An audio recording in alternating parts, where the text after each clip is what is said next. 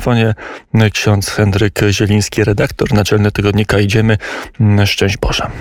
Bóg zapłać. Kłaniam się panu redaktorowi, kłaniam się państwu. Środa Popielcowa, początek Wielkiego Postu. Co katolik powinien w tym dniu robić? Środę Popielcową, jeżeli się da, powinien pójść do kościoła. Jeżeli rzeczywiście postanawia przeżyć te najbliższe 40 dni w pokucie, umartwieniu, w poście i w nawróceniu, jeżeli chce się nawrócić przez te 40 dni, to wtedy na znak gotowości nawrócenia powinien przystąpić, może przystąpić do posypania głów popiołem. Natomiast nie chodzi o to, żeby to był pusty gest. Oczywiście katolików obowiązuje także w Środę Popielcową ścisły post, a więc zjadamy jeden posiłek dosyta, oczywiście bezmięsny, skromny posiłek, natomiast dwa inne posiłki mają charakter taki trochę symboliczny, żeby nie było, że nie jadamy, natomiast no, nie najadamy się dosyta. Oczywiście to nie dotyczy osób chorych, które no, nie mogą y, takich umartwień podejmować. W Środę Popielcową rozpoczynamy okres Wielkiego Postu tradycyjnie trochę mm, to jest okres, y, kiedy katolicy i nie tylko katolicy, warto o tym pamiętać, y, przyjmują sobie jakieś wyrzeczenia, coś obiecują sobie, że będą mniej e, nie tyle grzeszyć, ile coś sobie odbiorą, co zabiera im czas, albo co nie jest im potrzebne do rozwoju, albo nawet w rozwoju czy w szczęściu osobistym przeszkadza. To jest dobra, słuszna tradycja? To jest bardzo słuszna tradycja. Zresztą Ojciec Święty Franciszek w orędziu na tegoroczny Wielki Post zachęca i wzywa do tego. Y, na przykład do tego, żebyśmy się odcięli od pewnego szumu informacyjnego, zarówno od nawału fałszywych informacji, które tylko czasami podnoszą nam adrenalinę i cholesterol, ale także, żebyśmy y, odcięli się troszeczkę od y, tego, co, co szczególnie może króluje w mediach społecznościowych, co nas bardzo uzależnia, bo okazuje się, że nie tylko alkohol potrafi uzależniać. My tak tradycyjnie idąc wydeptaną ścieżką mówimy sobie o tym, że no tak, to wielki post, to trzeba tu papierosy, to trzeba alkohol. Oczywiście to też trzeba, ale trzeba zauważyć w tej chwili na rozmaite nowe uzależnienia, które e, człowieka wciągają. E, to e, uwolnienie się, ta asceza wielkopostna ma dwojaki cel. Z jednej strony oczywiście potrzeba pewnego takiego moralnego i duchowego treningu po to, aby być gotowym na godzinę próby. Dlatego, że to tak jak, tak jak jest z żołnierzami, że jeżeli nie będą trenować i ktoś powie, że po co oni biegają, przecież nigdzie nie muszą się, nie muszą się śpieszyć. Po co zawodnik podnosi ciężary? Przecież nic z tego nie musi przerzucać tych belek. To mm, mógłby pójść, nie wiem, rozładować wagony na przykład. Nie. Natomiast musi człowiek ćwiczyć po to, żeby w momencie próby egzaminu, zawodów był sprawny. To dotyczy również sprawności moralnych. Tak zwane cnoty w kościele katolickim to są inaczej po prostu sprawności moralne e, i, i je trzeba ćwiczyć. Ale z drugiej strony chodzi również o to, że to na, te nasze ćwiczenia duchowe, umartwienia, asceza ma także swoje odniesienie do Boga i do człowieka. Jeżeli odmawiamy sobie luksusowych posiłków, czy pewnej nadmiaru posiłków, e, które nie są konieczne do życia, to po to, żeby podzielić się z potrzebującymi. Jeżeli wyciszamy swoją duszę, nie oddajemy się jakimś hucznym zabawom, nie chodzimy na dyskoteki, akurat w tym Wielkim Poście i tak jest to praktycznie nierealne, więc tutaj niewielka nasza zasługa z tego powodu, ale jeżeli wyciszamy się właśnie, to chodzi również o to, żeby być bardziej wrażliwym na głos Pana Boga. Ojcowie Kościoła mówili o potrzebie wyjścia w Wielkim Poście na pustynię. Rzeczywiście wtedy, kiedy człowiek wychodzi choćby duchowo na taką pustynię, wtedy potrafi usłyszeć to, czego w zgiełku miasta i w zgiełku codzienności usłyszeć się często nie da. Mm, teraz już nie tylko zgiełk miasta, ten zewnętrzny, ale właśnie ten w komórce, w komputerze e, zgiełk informacyjny może jest bardziej e, dokuczliwy na dłuższą metę, a w kwestii modlitewnej, w kwestii duchowej, w kwestii praktyk religijnych, no bo to Wielki Post nie tylko e, kiedyś wstrzemięźliwość od pokarmu, dzisiaj pewnie bardziej wstrzemięźliwość od mediów, od gry komputerowej, od, od papierosów czy alkoholu, ale, ale także przecież to jest czas na rachunek duchowy. Oczywiście to jest czas na rachunek sumienia, dlatego że e, w pierwotnym e, założeniu Wielki Post najpierw był czasem takiego swoistego rozliczenia się, z czym przygotowania się do chrztu dla katechumenów, żeby wejść, zanurzyć się w śmierci i zmartwychwstanie Jezusa Chrystusa. Dla nas wszystkich on w tej chwili jest czasem właśnie przygotowania do tego, żeby do Paschy, do przejścia z Chrystusem ze śmierci do życia. W Wielkim Poście tradycyjnie organizowane są rekolekcje wielkopostne, tradycyjnie bardziej jakoś akcentujemy kwestię sakramentu pokuty, spowiedzi, rachunku sumienia i to jest taki czas, kiedy mamy się wyciszyć również po to, żeby wejść głębiej w siebie i przejrzeć się w krzyżu Jezusa Chrystusa, przejrzeć się w Chrystusowej ofierze i zobaczyć, na ile moje życie jest podobne do życia Jezusa Chrystusa, na ile ja jestem w stanie razem z Nim ofiarować siebie Bogu i ludziom, jak to w praktyce wygląda, bo deklaracje to my możemy składać. Natomiast jak to w praktyce wygląda, czy rzeczywiście ten e, ideał Chrystusowego życia realizujemy w naszej codzienności i jeżeli są jakieś odstępstwa, klękamy, mówimy moja wina w sakramencie pokuty, oczekujemy przebaczenia i chcemy rozpocząć na nowo. Tak jak właśnie katechumeni, dla nich chrzest był narodzeniem się na nowo, jakby Chrystus mówił, kto się nie narodzi z wody i Ducha Świętego, nie wejdzie do Królestwa Bożego. Natomiast y, dla nas tutaj y, ojcowie Kościoła mówili, że sakrament pokuty to jest inaczej pracowity chrzest. To jest coś takiego, co y, otrzymujemy łaski od Boga, łaskę nowego początku, tylko że musimy tutaj w odróżnieniu od nowo ochrzczonych troszeczkę zainwestować własnego wysiłku. Mm, e, proszę księdza, to jaki to będzie przy telefonie ksiądz Henryk Zieliński, mm, duchowny rzymskokatolicki, e, redaktor naczelny tygodnika Idziemy. Mm, proszę księdza, to jaki to będzie wielki post dla Kościoła polskiego, e, także dla polskiej hierarchii, bo tutaj problemów zdaje się nie brakuje. Panie redaktorze, e, tradycją już się stało od kilku ładnych lat, czy może od, kilkuna, od kilkunastu nawet, że e, duchowni e, rzymskokatolicy w Polsce zaczynają Wielki Post no, w środę popielcową to roboczą, bo to jest czas, kiedy więcej ludzi jest w kościele, więcej jest także nabożeństw i mszy świętych. Natomiast pierwsza sobota Wielkiego Postu to jest tradycyjnie dla duchownych katolickich w całej Polsce specjalny dzień skupienia, kiedy księża zbierają się w katedrach, konkatedrach. Sam będę taki dzień skupienia prowadził chociażby w katedrze siedleckiej w najbliższą sobotę, ale wiem, że także w diecezji warszawsko-praskiej, w wielu innych diecezjach taki jest organizowany. I to jest czas rachunku sumienia dla duchowieństwa. Biskup, księża zbierają się.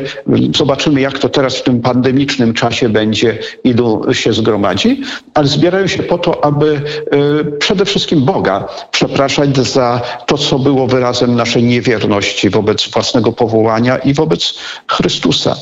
Mm, proszę księdza, oczywiście mm, ksiądz wie, do czego dążę, do mm, sprawy Andrzeja Dymera, księdza e, w pewnym okresie swojego życia Andrzeja Dymera, który zmarł w ostatnich godzinach, a był podejrzewany i chyba słusznie podejrzewany o nadużycia seksualne wobec swoich podopiecznych, szefa licznych instytucji kościelnych, zwłaszcza w rejonie z województwa zachodnio-pomorskiego czy diecezji szczecińsko-kamienieckiej.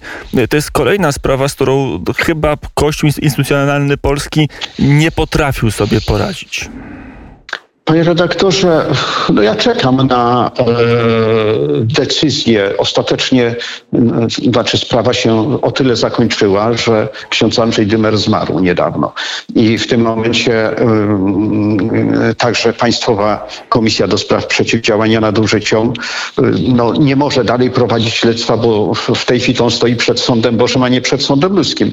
Niemniej no, wiemy, że e, jego sprawa miała być przekazana do Stolicy Apostolskiej że e, proces w drugiej instancji zakończył się e, w, diecezji, w archidiecezji gdańskiej przed sądem gdańskim. Nie znamy jego e, ostatecznego werdyktu, natomiast no, wiemy, że mm, gdy chodzi o zarówno prokuraturę, jak i o sąd rejonowy Szczecin Centrum, świecki wymiar sprawiedliwości nie wydał wyroku skazującego. E, wręcz przeciwnie, no, aż w jednym przypadku prokuratora odmówiła dalej kontynuowania złożenia do sprawy, sprawy do sądu, a w drugim przypadku w 2014 roku akurat e, sąd wydał wyrok uniewinniający. Ja nie wchodzę w to dlaczego. Natomiast chodzi o taką rzecz, że ja rzeczywiście przyznaję, może to e, zabrzmi dziwnie, ale ja jeżeli miałbym być sądzony w, tej, w jakichkolwiek sprawach właśnie takich, gdyby ktoś, to jednak wolałbym e, podlegać pod świecki wymiar sprawiedliwości i całkowicie jemu podlegać. Księża niech podlegają, niech odpowiadają normalnie przed sądami świeckimi, bo pod, przed tym, pod tym względem, jak każdy obywatel, ciążą na nich te same zobowiązania. Nas oprócz tego, że my Tylko, odpowiadamy że przed na, sądami świeckimi... Os, na to, osobie duchownej przy księdza e, spoczywają zupełnie inne oczekiwania e, i z całym szacunkiem, to może nie taktownie, ale e, jeżeli osoba świecka, nawet niewierząca ma romans pozamałżeński, to nikogo to specjalnie w obecnych czasach nie oburza, a kiedy robi to ksiądz, no to on przeniewierza własnemu powołaniu i to jest zupełnie inna sytuacja. Panie redaktorze, więc przechodzę do tej drugiej, do tego drugiego członu, że to należy rozpatrywać właśnie na dwóch poziomach. Że z jednej strony jest odpowiedzialność taka, jaka dotyczy każdego obywatela. I tak samo Mam nadzieję, że nie. Ale jeżeli jakiś ksiądz miałby romans z kobietą czy z mężczyzną, to nie jest to przedmiot, to nie jest to powód, żeby on został z tego powodu skazany przez sąd cywilny czy karny, jeżeli nie towarzyszyły temu jakieś inne e, okoliczności. Natomiast e, istnieje bardziej rygorystyczne prawo, prawo kanoniczne, które jest prawem wewnętrznym Kościoła katolickiego i dotyczy nas. I problem polega na tym, że gdy chodzi o prawo kanoniczne, to na gruncie prawa kanonicznego duchownych rozliczać ma Kościół, a nie ludzie niewierzący. I czekam w związku z tym na decyzję Stolicy Apostolskiej, choć będzie to już decyzja no, po fakcie, bo człowiek zmarł. Znowu te e, informacje, które padały o tym, że, e, że on został odwołany właśnie ze względu na ciążący na nim wyrok, okazały się nieprawdziwe. On został odwołany ze względu na to, że był śmiertelnie chory, był już konający i, i jego śmierć nie miała nic wspólnego z wyrokiem, e, który nie został upubliczniony, natomiast miała tyle wspólnego, że człowiek cierpiał od dawna na nowotwór. Ja się nie wypowiadam, bo nie mam na ten temat kompetencji żadnych. Na temat winy czy niewiny y, księdza Andrzeja Dymera. Znam przypadki takie, kiedy rzeczywiście ewidentni przestępcy chodzili sobie bezkarnie po świecie i znam przypadki takie, jak chociażby y, księdza Andrzeja Pawelskiego, niedaleko z archidiecezji warszawskiej, który mm, był oskarżony, miał proces i okazało się, że, że to był y, sąd cywilny go uniewinnił. Znam sprawę niedawną kardynała Pela, który spędził 13 miesięcy w więzieniu o zaostrzonym rygorze. Dlatego bardzo ostrożnie podchodzę do tego, czy on był winny, czy był niewinny. Niech się wypowiedzą na ten temat ci, którzy są do tego kompetentni. Bez żadnej taryfy ulgowej. Wręcz przeciwnie, jeżeli chodzi o odpowiedzialność duchownych, to mówimy o tym, że jest to taryfa specjalnie zaostrzona właśnie dla duchownych ze względu na rolę społeczną, jaką, y, jaką pełnią. Natomiast chodzi o to, że niech się wypowiedzą na ten temat kompetentne instytucje. Natomiast jestem bardzo ostrożny wobec wyroków, które zapadają y, w mediach i to zapadają no czasami właśnie tak jak tutaj, że nagle idzie informacja w świat, że został odwołany, prawda, bo były na, ciążyły na nim oskarżenia.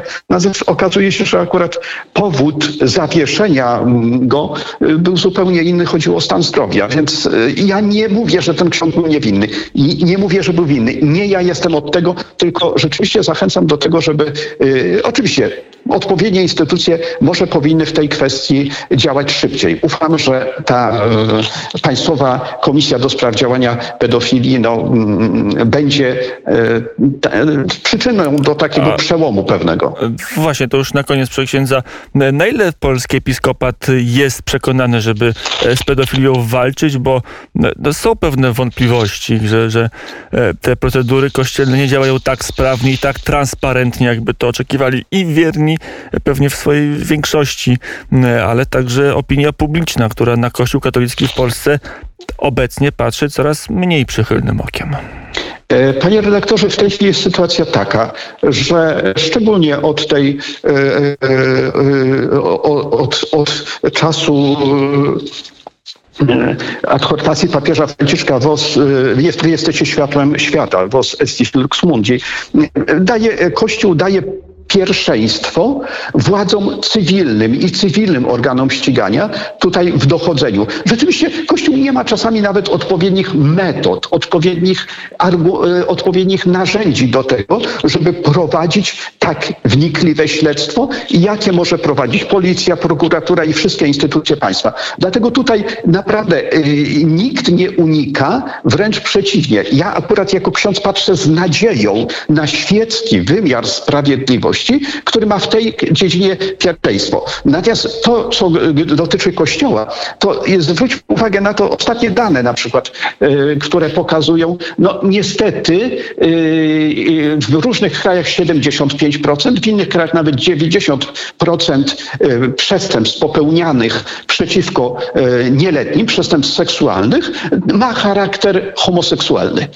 I, i są specjalne dokumenty, dokumenty Stolicy Apostolskiej. Y, jest dokument y, z roku 2006 podpisany przez papieża Benedykta. Jest instrukcja y, podpisana przez papieża Franciszka w 2016 roku, że nie należy przyjmować do seminariów ludzi mm, o skłonnościach homoseksualnych. Do, zwróćmy uwagę na to, że co najmniej połowa tych przestępstw dokonywanych przez duchownych wobec nieletnich, e, duchowni odpowiadają za przestępstwa wobec nieletnich, to znaczy po, do 18 roku życia, a nie tak jak w prawie państwowym do 15 roku życia. No więc właśnie, że połowa tych przestępstw jest dokonywana wobec młodzieży męskiej od 15 do 18 roku życia. Połowa tego. Więc jeżeli Kościół, jeżeli duchowni, biskupi, będą bardziej